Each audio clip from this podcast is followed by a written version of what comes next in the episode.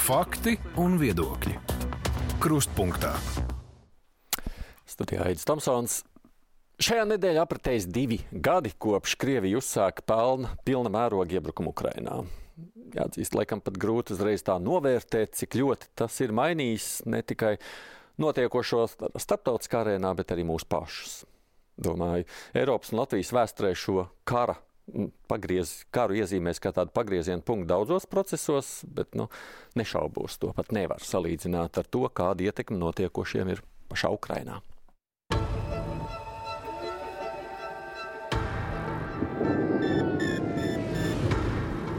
Ukrainai ir jāuzvar, un ar Ukraiņas uzvaru Divi gadi kopš Krievijas pilna mēroga iebrukuma Ukrainā. Reti, kurš zina un seko notikumiem līdzi tik cieši kā mans šodienas sarunas partneris. Viņš bija viens no zināmākajiem Ukraiņu žurnālistiem jau pirms kara, bet nu, tagad reti, kurš nav dzirdējis viņa vārdu arī Latvijā. Es uzreiz saviem klausītājiem man jāatvainojas, ka nu, mūsu saruna jums būs jāklausās ar tulka starpniecību. Vēlāk tīmeklī noteikti intervija būs pieejama arī bez tulkojuma. Bet, nu, lai viens saprastu, bez palīdzības, protams, mums neiztikt. Pirmdienas kruspunktā intervijas viesis ir žurnālists Dmitrijs Gordons. День добрый. Добрый день. Я извиняюсь, что нам придется разговаривать на русском. Я пока еще не могу говорить на украинском, и вы на латышском тоже. Так что, увы, что делать.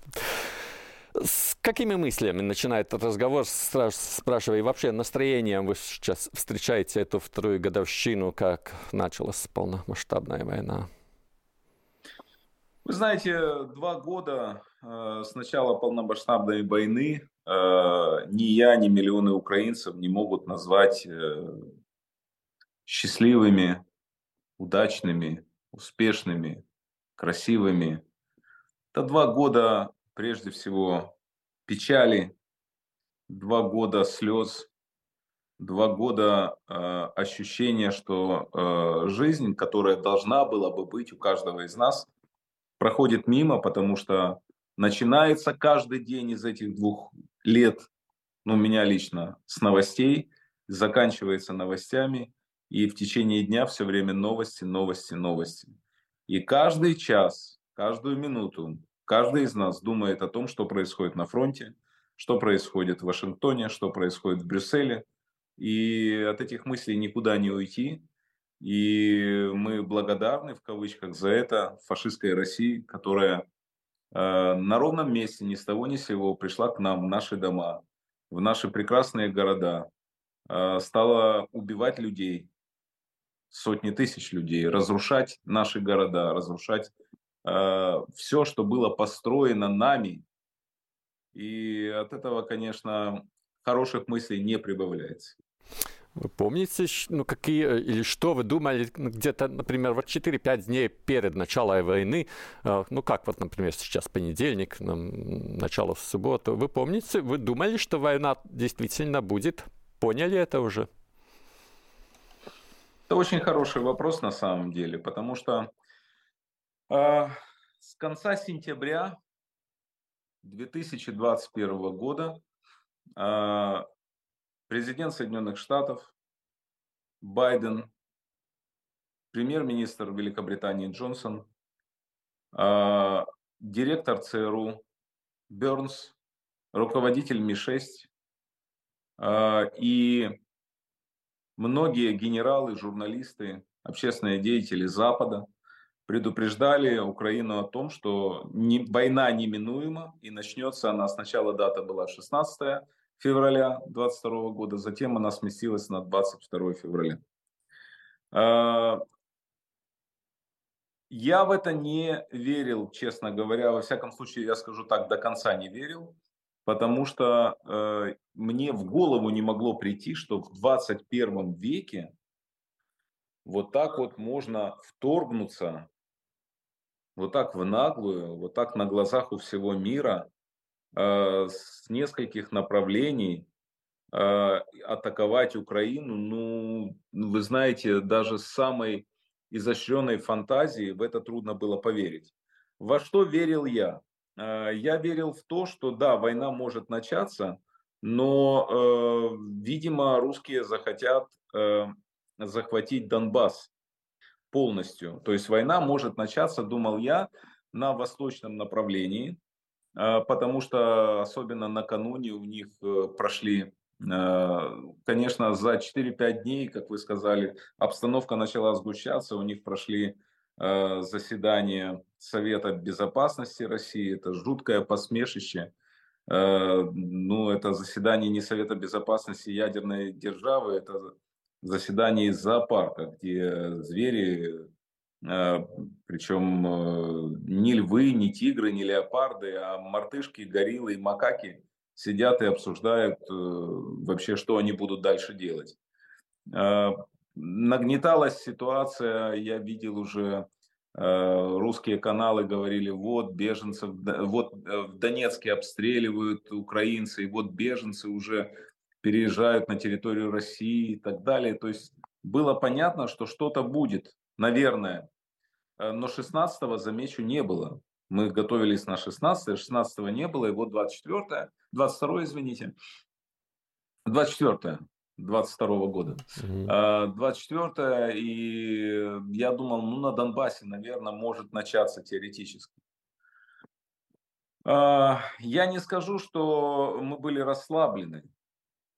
А, во всяком случае, еще 13 февраля я записал э, большое видео, оно набрало несколько миллионов просмотров э, с улиц Киева, с э, мест, которые мне дороги. Больница, где я родился, роддом, где я родился, места, где я жил в разное время.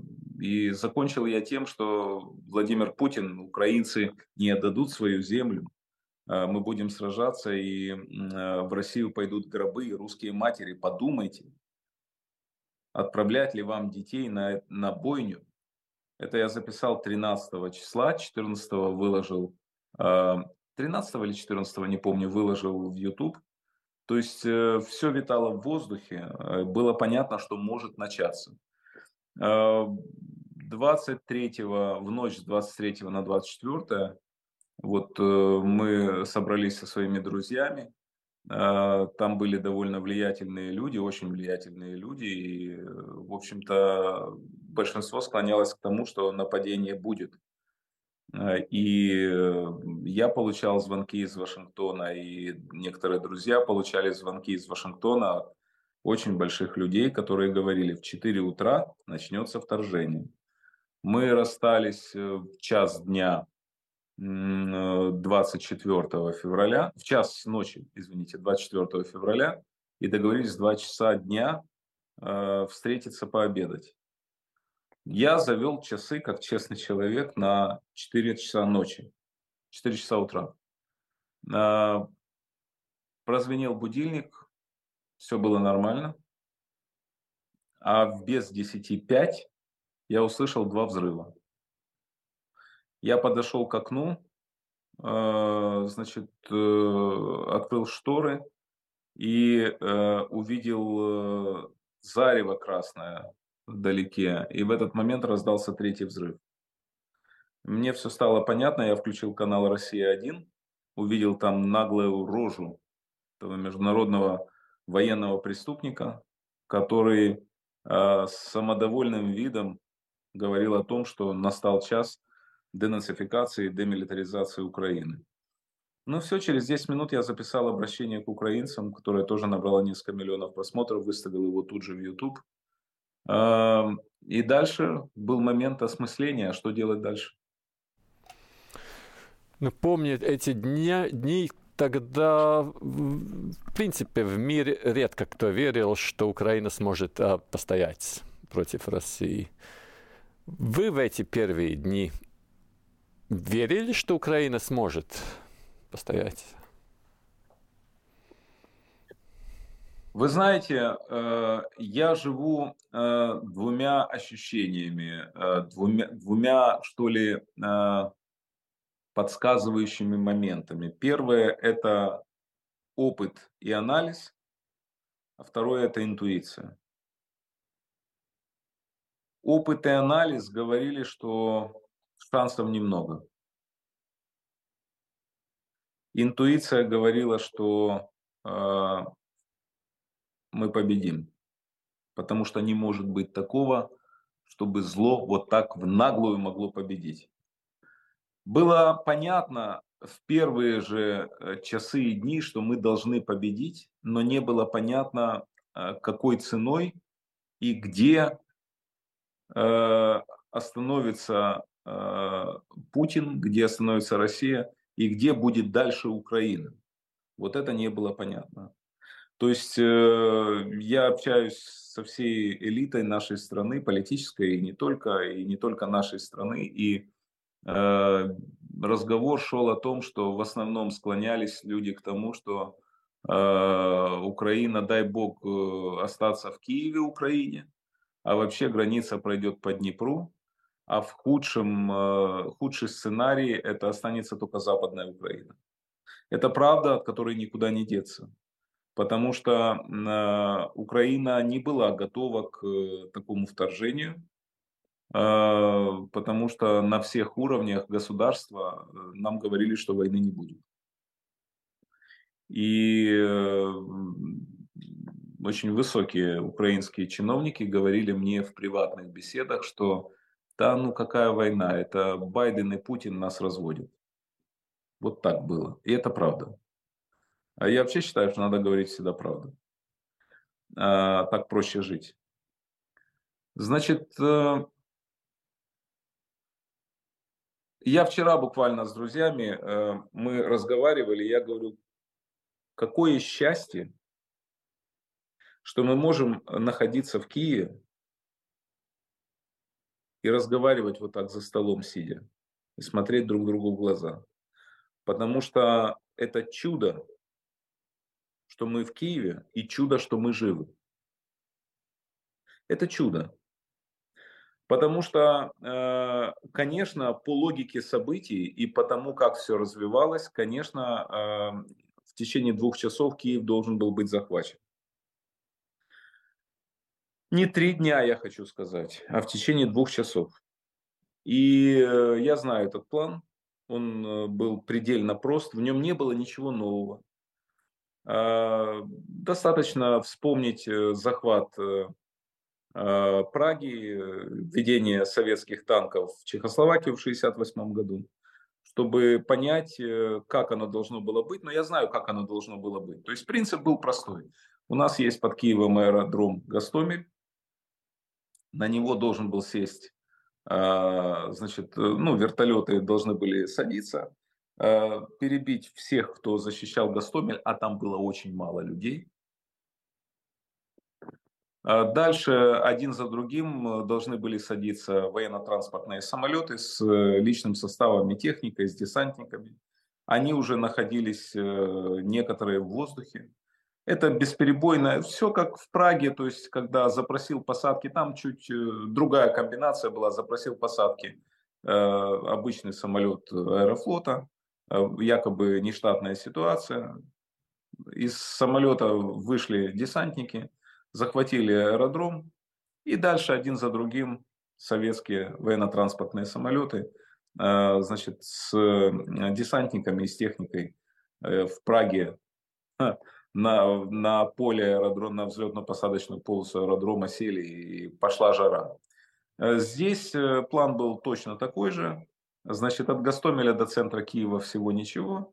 В течение двух часов должны были тысяча-две десантников с техникой э, взять э, штурмом э, правительственный квартал. Дальше схема была предельно простая. Было два варианта. Вариант первый. Значит, все депутаты были уже под прицелом и были прикрепленные люди, точно как в Крыму, когда депутатов сгоняли на заседание в 2014 году были уже прикрепленные люди к этим депутатам. Э, значит, важно было, чтобы депутаты пришли в зал Верховной Рады. Э, Путин очень любит э, соблюдать бумажные формальности. Они должны были прийти в зал до Верховной Рады. Дальше они должны были проголосовать за документ следующий. В течение трех месяцев выборы всей власти,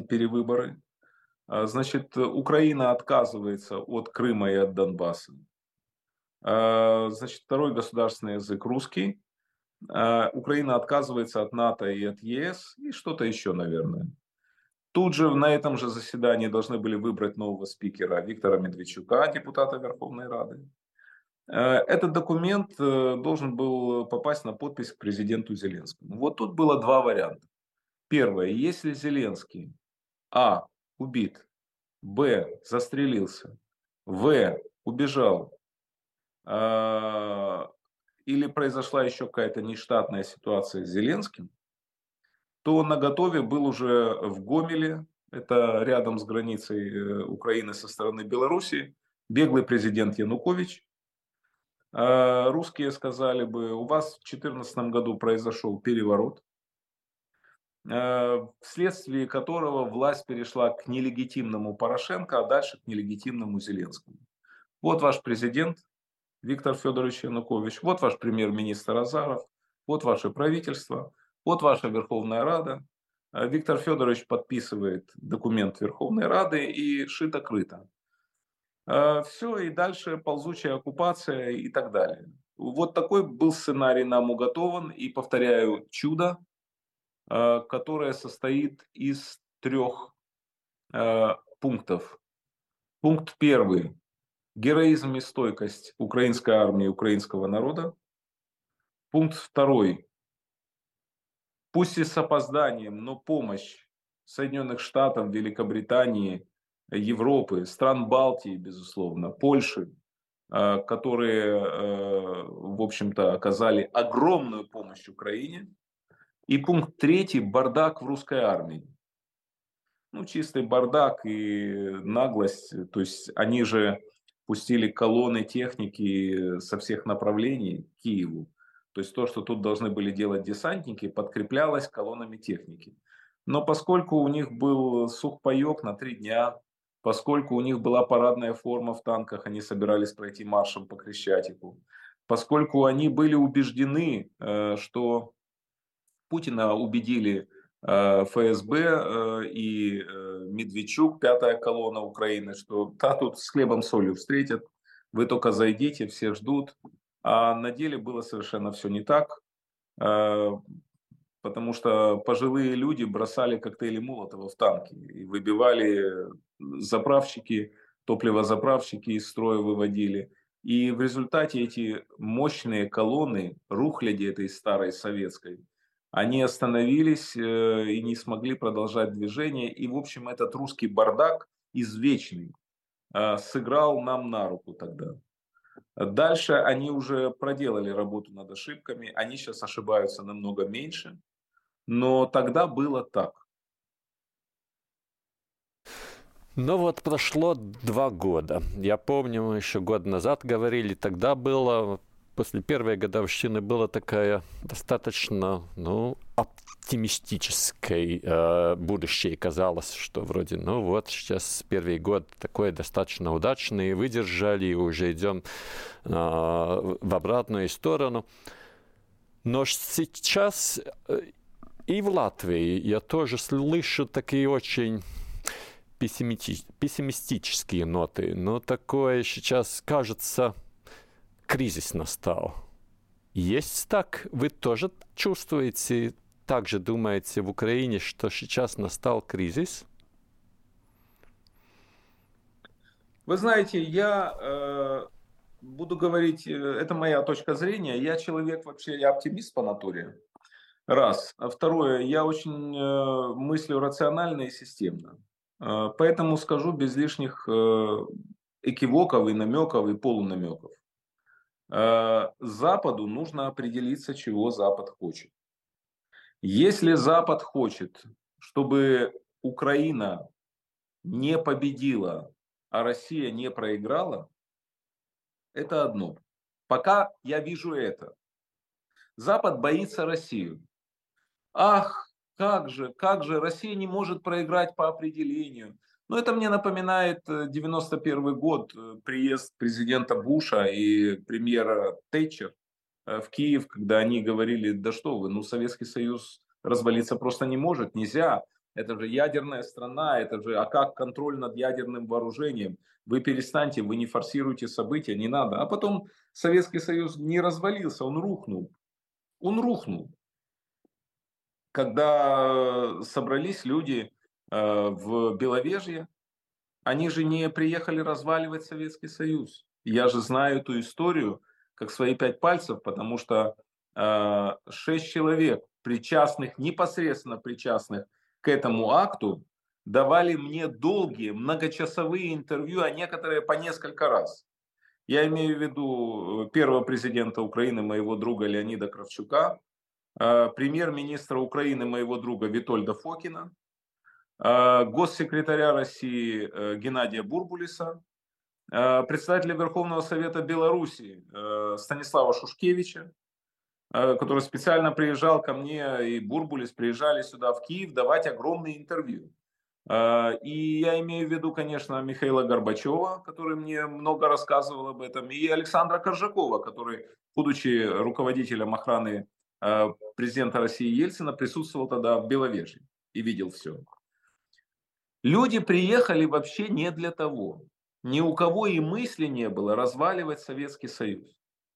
Советский Союз уже износился как э, форма существования. Ну, э, он уже обрек себя на провал, потому что этот проект социалистический, он провалился. Э, невозможно 70 лет советской власти, а у тебя туалетная бумага дефицит, тетради в клеточку дефицит, Мясо дефицит, колбаса дефицит, все в дефиците. Так невозможно. Это провал изначальной идеи, провал системы. Плюс десятки миллионов убитых за 70 лет советской власти. Э, но нужен был какой-то спусковой крючок. И это произошло мгновенно э, и, и очень просто. Так всегда бывает. Кажется, что все сложно. Нет, все очень просто. Э, началось все с малого. Э, в Беларуси нужен был русский газ. И Шушкевич сказал Борису Николаевичу Ельцину, Борис Николаевич, ну давайте, может, встретимся, без газа тяжело, зима впереди, э, давайте встретимся, у нас такие места есть хорошие, Вискули, э, значит, Беловежская пуща, вот. И Ельцин говорит, да, конечно, давайте встретимся, проблем нет. Они договорились. А, и тут 1 декабря в Украине проходит референдум, где украинцы голосуют за независимость. 90 с чем-то процентов. И Ельцин, как э, политик опытный, звонит Шушкевичу и говорит, Станислав Станиславович, ну, слушайте, там э, Украина, Кравчук неудобно. Давайте Кравчука пригласим, ну, три славянские республики, как бы посидим вместе. Ну и как раз на троих там все нормально. Они договорились. Дальше фантастика. Горбачев, э, Ельцин идет к Горбачеву. Так положено было. Он выполняет свою работу. Он идет к Горбачеву и говорит, Михаил Сергеевич, лечу, докладываю, лечу в Беловежье встречаться с Кравчуком и Шушкевичем. Какие будут указания? Горбачев говорит, ты скажи Кравчуку, чтобы он там не выпендривался и подписывал быстрее Новоогаревский процесс договоренности о новом варианте расширенном Советского Союза. По-новому будем жить. Фушон ерепенится там, скажи ему. Тут все записал на бумаге. Дальше они встречаются в Беловеже. Коммунист Ельцин достает, бывший коммунист уже, достает бумажку и говорит, Леонид Макарович, вот, значит, Михаил Сергеевич просил передать вам. И Кравчук произносит историческую фразу. С этого все началось. Он говорит, Борис Николаевич, я вообще руковожу Украиной, которая э, провела референдум. И у нас независимость вообще. Украина проголосовала за независимость 90 с чем-то процентов. И вообще, говорит, когда Буш или Тэтчер приезжают в Киев, они едут ко мне. А когда они приезжают в Москву, они едут не к тебе, а к Горбачеву. Ельцин, немножко подумав, сказал вторую историческую фразу. А что, пора с этим пятнистым кончать. И вот так испытывая большую ненависть Горбачеву, потому что э, они не первые люди, а первыми быть хотелось. Они все амбициозные, они все понимали, что проект Советский Союз приказывает долго жить. Им всем хотелось быть главными, первыми у себя в вотчинах. И мы знаем, что практически все первые секретари ЦК Компартии союзных республик стали президентами. Мы же понимаем, что это был за проект. И они садятся за стол. Ортодоксальный коммунист Ельцин, бывший первый секретарь Свердловского обкома и Московского горкома партии, член Политбюро ЦК КПСС. Леонид Кравчук, бывший главный идеолог коммунистической партии Украины. Геннадий Бурбулис, бывший доцент кафедры марксизма-ленинизма Свердловского университета. Они садятся за стол, и Кравчук и Бурбулис своими руками пишут приговор Советскому Союзу. И валят его нахрен. И ни один человек из 18 миллионов коммунистов, ни один человек из миллионов КГБистов, ментов, прокуроров, судей, стукачей, гласных и негласных, никто не вышел на улицы в знак протеста.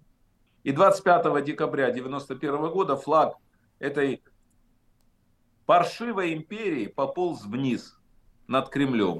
Ну, вы думаете, сейчас, параллели. да, вы думаете, что Я сейчас будет в России то же самое? Я провожу параллели. Я знаю, почему так случилось. Потому что Рейган и Тэтчер обрушили, обвалили это неестественное формирование под названием СССР ценами на газ и на нефть. Ну, я бы хотел посмотреть на Путина, если бы у него, как у Горбачева, нефть была сейчас 7-8 долларов за баррель. Я бы хотел посмотреть, где бы он взял деньги на гонку вооружений. Поэтому, возвращаясь к вашему вопросу, Запад должен сам себе сказать, чего он хочет. Он хочет, чтобы нас дальше Россия топила в крови, и мы в конце концов упали обескровленные. Или, может, он нам даст оружие, мы же не просим людей, мы просим оружие. Дайте самолетов столько F-16, сколько нам надо. Дайте нам дальнобойных ракет столько, сколько нам надо что и не, не трогайте нас, не говорите, не, не бейте по России. Почему Россия бьет по нам, а мы не можем бить по России? В чем проблема? Да говорится дальше просто. Слышишь ты, Путин, еще один удар по украинской территории ракетами, мы тебе выжжем все до Москвы включительно, а может и до Урала, как захотим. Бьет по территории, по Харькову бьет, по Киеву бьет, получи на Москву, разрушили Кремль, ядрение фени по Кремлю, по Мавзолею, по этому Министерству обороны России. Вот такой язык очень понятный. А бояться их не надо, они не страшные. Они пустые, они не технологичные, они э, не идеологичные, они никакие. Это колосс на глиняных ногах, это даже не колосс. Советский Союз куда сильнее был страна. И то упал так, что вообще, а через год ножки Буша дайте, дайте ножки Буша, мы голодные. Вот так с ними надо разговаривать. Но Запад, как мы видим, не способен сейчас так разговаривать. Э, я хочу вам сказать, что с каждым днем я вижу усиливающуюся способность Запада так разговаривать. До Европы, старой Европы, стало доходить. Ситуация хреновая. Я не беру сейчас страны Балтии, они хорошо знают, что такое совок и коммунизм, и, и э, ЧК, и НКВД и так далее. Э, им не надо рассказывать ни Латвии, ни Литве, ни Эстонии, что такое Россия.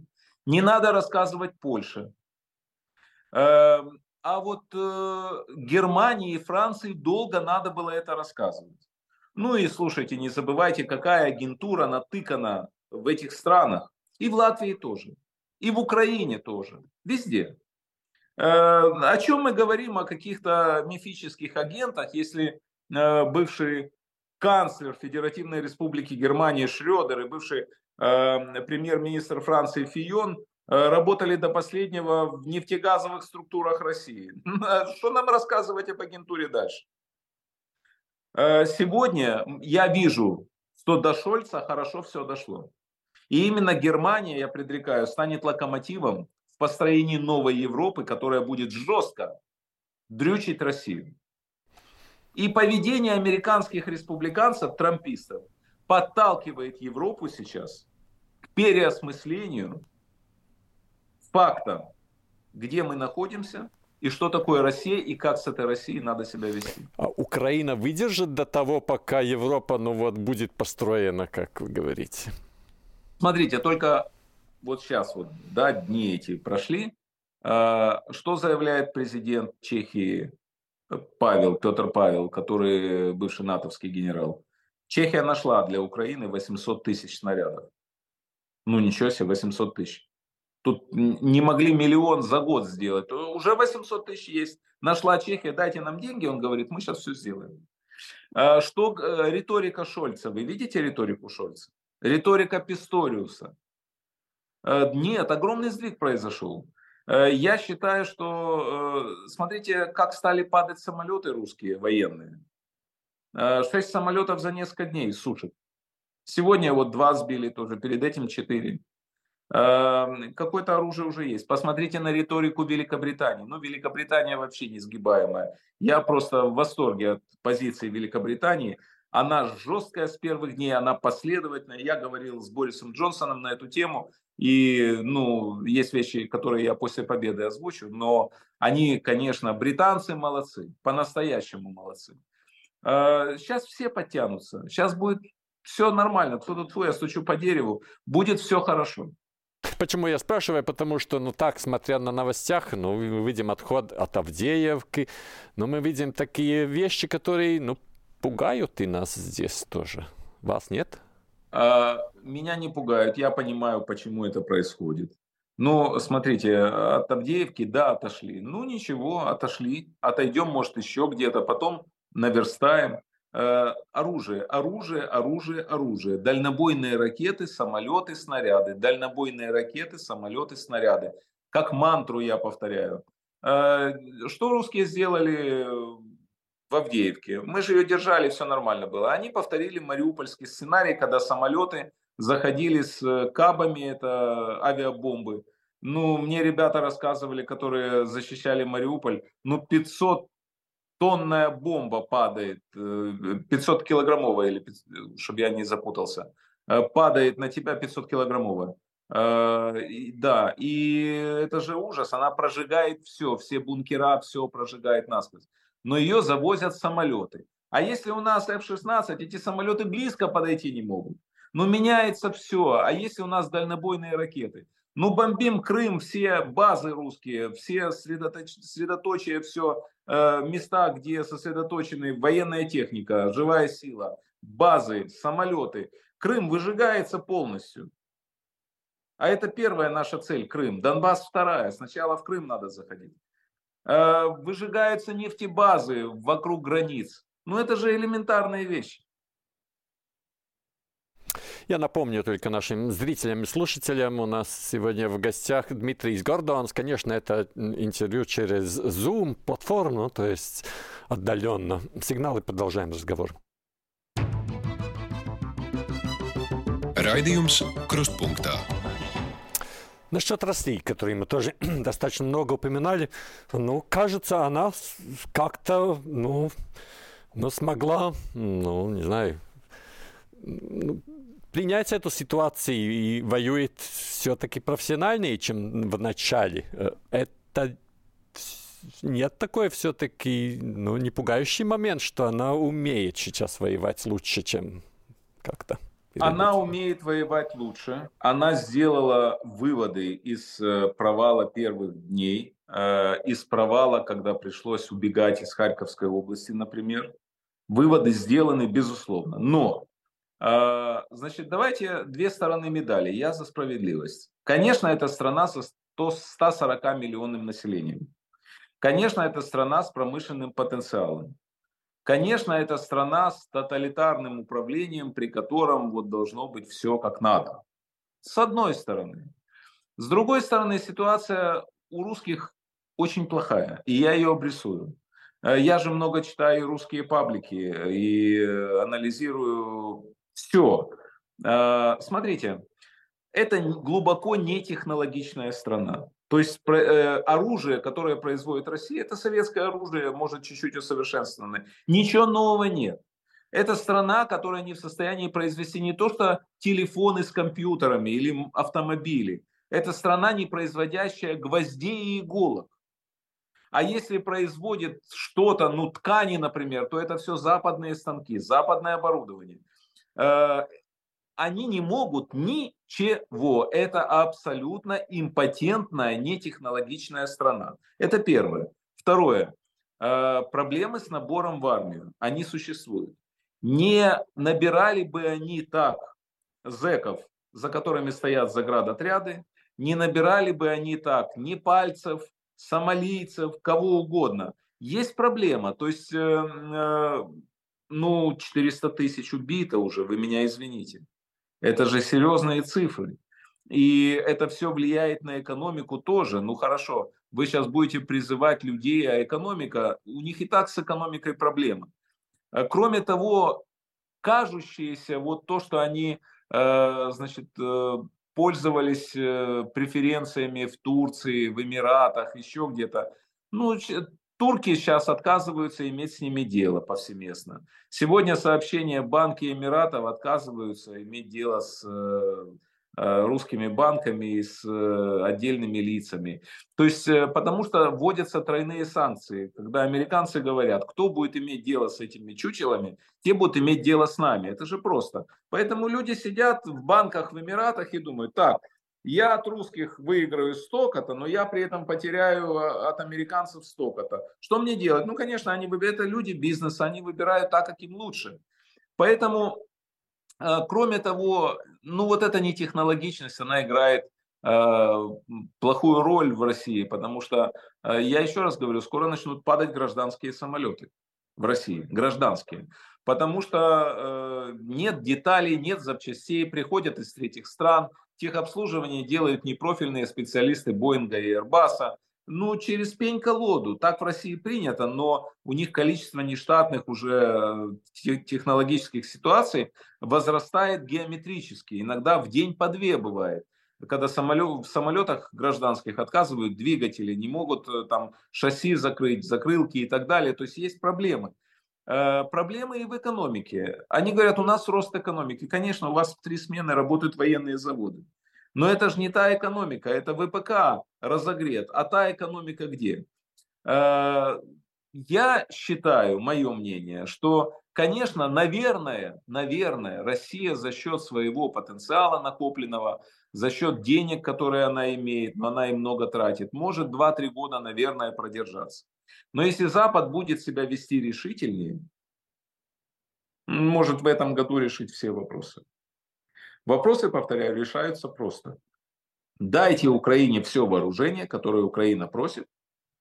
Нам не нужны солдаты, нам нужны снаряды, самолеты F-16 и дальнобойные ракеты. Три позиции.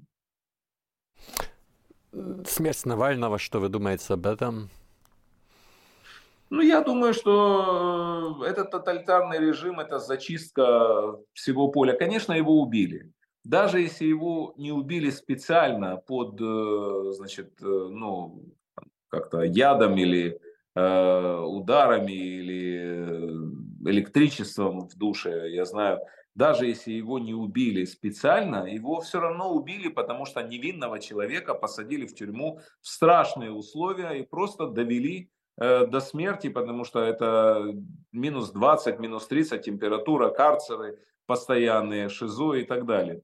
То есть, конечно, а что для них убить кого-то? Какие проблемы? Они всю жизнь этим занимались, занимался этим всю жизнь Советский Союз, э, убивал своих врагов. И Россия приняла эстафету, э, что нам, Политковская, пожалуйста, Старовойтова, э, Немцов, бедный, Навальный, Литвиненко, да, да это можно перечислять долго. Они работают, занимаются этим профессионально. Поэтому, ну, конечно, Навальный, Навальный это был последний такой оплот. Все остальные сидят и рангом поменьше или выдавлены за границу и находятся там. Ну что, Путин занимается тем, чем он занимается. Вы ни разу интер... брали интервью господина Соловея, который утверждает, э, что Путин вообще мертв. Э, Вы сам... Зачем вы это делаете? Вы сам в этом верите? А, я сам в это не верю, о чем говорю Соловью в интервью прямо, что я в это не верю. Вот если вы спрашиваете меня, в смерть Путина не верю, в двойников Путина не верю, считаю, что это он всегда находится э, на съемках, там, где его снимают, и там, где он говорит что-то. Э, значит, профессор Соловей, э, безусловно, на мой взгляд, но я его, я его спросил, неоднократно спрашивал, вы говорите такие вещи, вас никто не посадил, не застрелил, ничего с вами не происходит, вы живете в Москве, все нормально. Он говорит, я нахожусь под защитой могущественной организации. Я думаю, что это могущественная организация Федеральная служба безопасности России.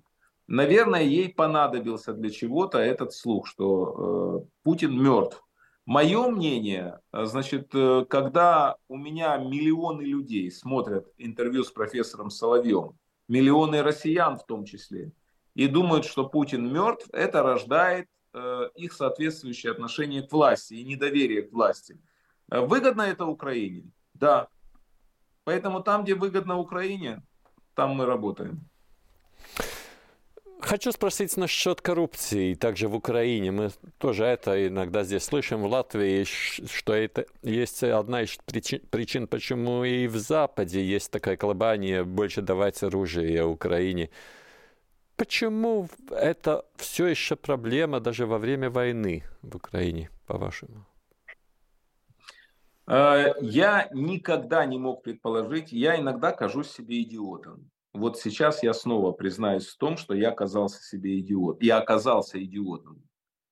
Я никогда не мог предположить, что даже самые разнузданные негодяи, находящиеся на э, своих постах, связанных с покупкой вооружений, с поставкой вооружений и так далее, что они во время войны смогут набивать свои карманы и не думать о стране и о погибающих ребятах.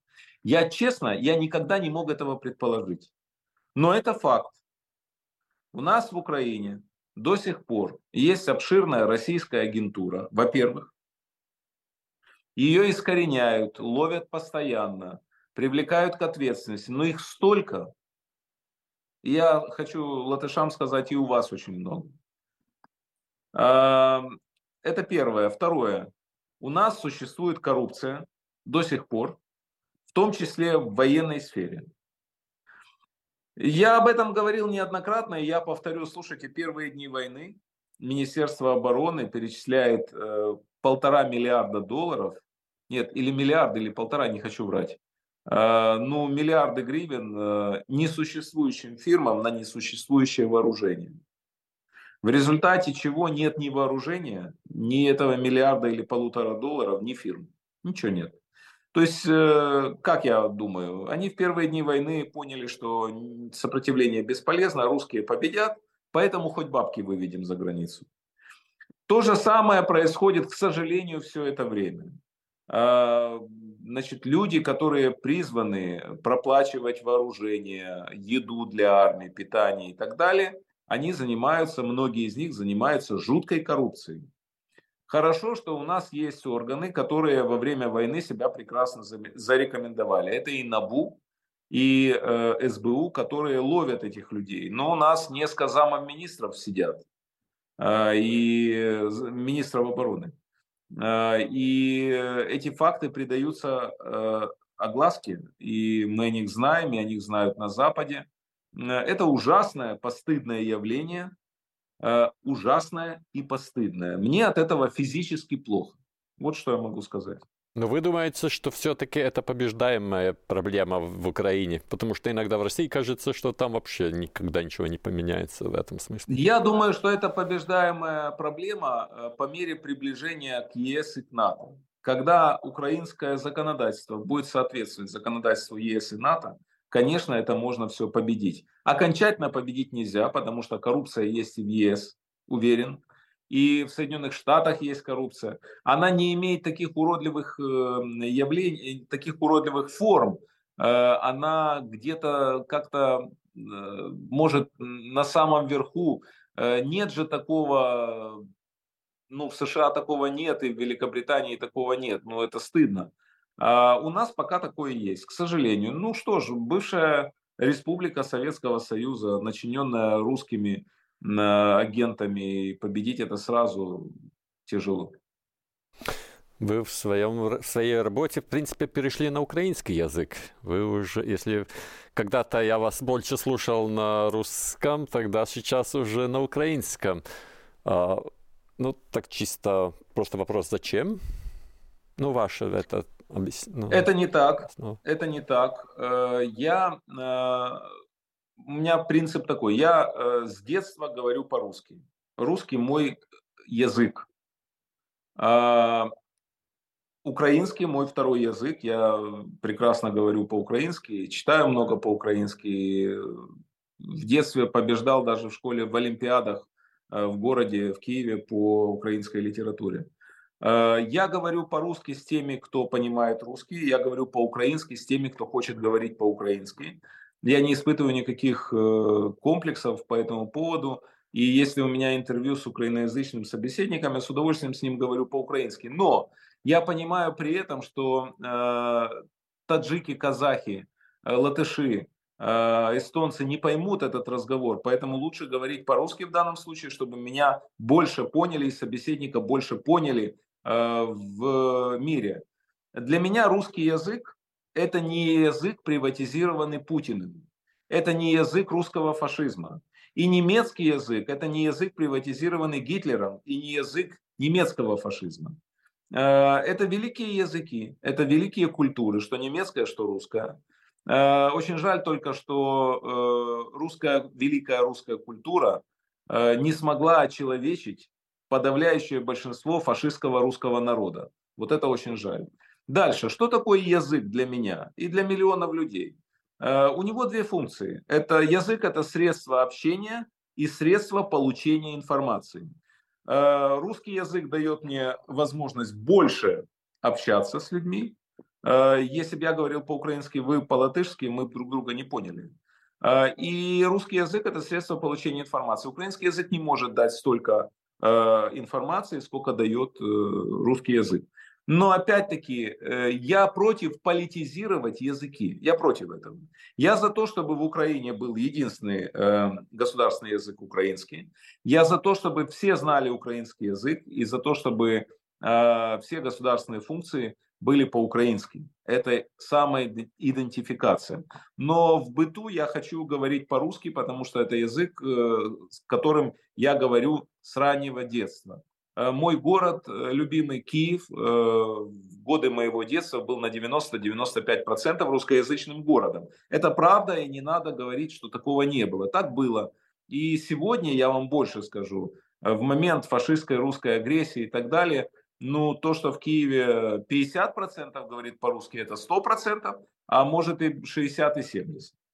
Здесь не, не будем преувеличивать значение Э, разговора и общения на том или ином языке. Okay. Когда была первая годовщина, вот год тому назад, у нас здесь в эфире был э, господин Арестович. Я смотрел, что вы сначала были к нему скептически, потом вы там извинялись даже в прямом эфире, что... Ну, не, не, нет, не извинялся. Нет, не, не ну, извинялся. Ну, поправьте. Не, не извинялся. Я сказал, что когда был к нему плохо настроен, не скептически, а плохо а, я ошибся. Это не извинение, это признание ошибки, это разные вещи. Okay. Вот, да, я ошибся, и теперь я к нему отношусь хорошо, сказал я летом 2022 года. Э, значит, э, я вам хочу сказать, что Алексей Арестович сыграл огромную роль, положительную роль в этой войне, потому что когда миллионы украинцев были на грани истерики, некоторые на грани суицида, на грани ну, безумия. Арестович своим спокойным, размеренным голосом и заявлениями о том, что еще 2-3 недели и будет победа, он людям давал возможность расправить плечи. Это была психотерапия высшего порядка. Я хорошо разбираюсь в психотерапии. Это была психотерапия высшего порядка. Он сыграл выдающуюся роль в том, чтобы успокоить людей, находящихся в состоянии крайнего стресса. Вот, это была, это его историческая заслуга. Я всегда отдаю людям э, должное и говорю ему спасибо. за то, что он это сделал. Сейчас многие его заявления мне непонятны и вызывают у меня недоумение. Ну, не знаю, может, он что-то знает, чего не знаю я. Так вы это, от, к этому относитесь, да? У нас осталось где-то 3-4 минуты только. Ну вот сейчас, смотря вперед, ну, ну как вы думаете, ну что у нас ожидает все-таки так реалистично? Ну как вы думаете, как это все будет развиваться дальше? Я оптимист. Я верю в победу добра. Я верю в победу света. Я твердо знаю, что зло не может победить добро, но в долгосрочной перспективе точно. Но мне хочется, чтобы это не было, чтобы это было в краткосрочной, чтобы добро победило. Я знаю, что прошлое никогда не может победить будущее. Никогда. Это исключено. Э, путинская страшная фашистская Россия – это прошлое. Это отбитый Советский Союз с его репрессивным аппаратом, с его э, тупостью, антигуманизмом, античеловеческими проявлениями. Это отвратительная страна была, в которой я жил до, извините меня, 23 лет. 24. Вот. Но я презираю эту страну. Презираю за то, что за геноцид, который она осуществляла против своих граждан в первую очередь. А, поэтому эта отрыжка совка Россия, она в таком виде не может просуществовать долго. Но мне хотелось бы, очень хотелось бы, чтобы западная цивилизация поняла, что если она не поможет свету победить тьму, она сама рискует погрузиться в тьму вследствие того, что опьяненные успехом русские могут попереть в Европу. Я не сомневаюсь, что если, не дай бог, стучу три раза по дереву, Украина проиграет, вы увидите русские танки у себя. Но вы вообще допускаете такую мысль? Я, конечно, запросто. А вы допускали мысль, что они попрут вот так в Украину всей своей мощью? А что им мешает пойти в Латвию? Нет, я думаю, вы Они... допускаете мысль, что Украина может не победить. Ну, если э, США и Европа прекратят помогать Украине финансово и вооружением, ну, где Украина возьмет финансы, где Украина возьмет вооружение? Тогда что? Тогда все. Ну, я реалист, я говорю как есть. Я же не лозунгами говорю и не своими э, влажными мечтами апеллирую. Я говорю о том, как есть. Если мне не давать еду там 10 суток, я умру без еды и без воды. А западная помощь сейчас для Украины – это вода и еда. Журналист Украины Дмитрий Гордон, спасибо большое разговор с нами, что вы спасибо смогли нас разделить этот час. Мы очень надеемся, что ну, ожидаем хорошие новости из Запада. Спасибо, из спасибо Латвии в вашем лице, спасибо латышам всем за помощь, которую вы оказали уже Украине. Мы никогда этого не забудем. Мы будем всегда благодарить вас. Тысячу раз спасибо за вашу помощь, за ваши сердца, которые бьются в унисон с нашими. Spasība. Dmitrijs Gordons, Ukrainas žurnālists. Nu, es, protams, klausītājiem, kā jau sākumā teicu, šī saruna bija ar tulku, bet nu, mēs noteikti gādāsim, lai tuvākajās stundās tā ir pieejama arī tīklos jau bez tulka. Tie, kas vēlas klausīties oriģinālu valodā, tas būs iespējams internetā. Pilnīgi noteikti skatieties, mēs arī dosim ziņu, kur tas ir darāms. Par rītdienu tikai vēl rīt kruspunktā lielā uz, mērā arī uzmanības fokus būs Krievijai, kur mēs šeit pieminējām. Mēs gan vairāk runāsim no tāda skatu punkta, kas notiek Latvijas attiecībās ar Krieviju. Nu, mēs redzam, biznesa aktīvi sadarbojas ar Krieviju. Nu, kaut kādas saites mēs esam sarāvuši, bet uh, ļoti daudz arī nē. Kāda ir tā reālā situācija, kāpēc tā tāda, vai kaut kas ir jādara, lai to mainītu. Raidījuma vadīs kolēģi Māra Jansona. Bet šodien kruspunktā izskan producenti Ieva Zējas, studijā bija arī es, Aidis Tomsons.